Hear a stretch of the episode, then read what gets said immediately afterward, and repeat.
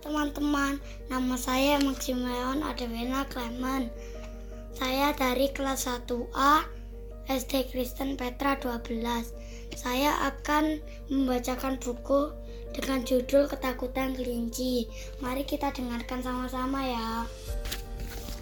Di suatu hari, para kelinci sedang berkumpul. Mereka saling bercerita dan berkeluh kesah kisah tentang nasib mereka masing-masing.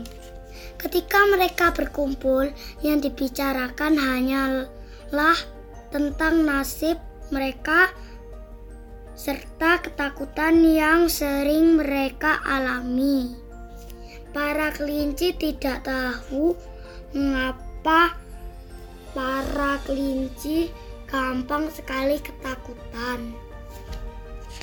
Kadang mereka meratapi tubuh mereka yang memiliki telinga panjang, tidak memiliki sayap, sehingga tidak bisa terbang, badannya lemah dan tidak kuat.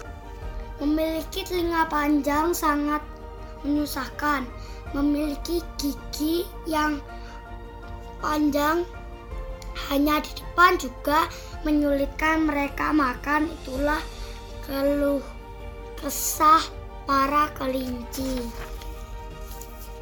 Saat mereka lelah dan ingin tidur, terganggu dengan telinga mereka yang panjang dan pendengaran yang tajam, matanya yang merah juga membuat mereka tidak percaya diri. Jika mereka sedang keluar atau bepergian, selalu bersama-sama karena selalu khawatir ada yang mengganggu mereka. Kelinci-kelinci itu sedang berjalan bersama-sama. Saat di pinggir hutan, mereka melewati sungai tempat tinggal katak.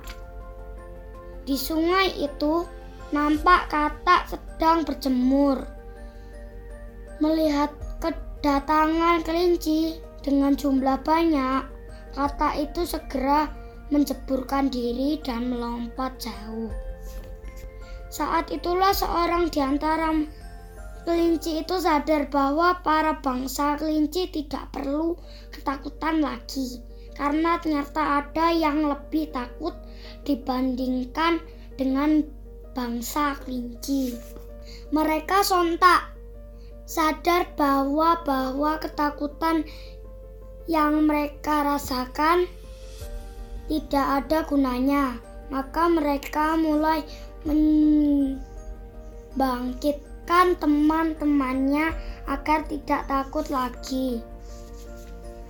Kelinci-kelinci itu akhirnya bisa melupakan ketakutan yang menghantui mereka sedikit demi sedikit. Hari-hari mereka mulai menyenangkan. Ini ada pesan moralnya, teman-teman.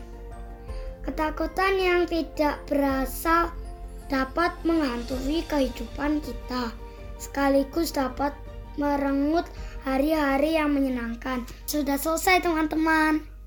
Bye.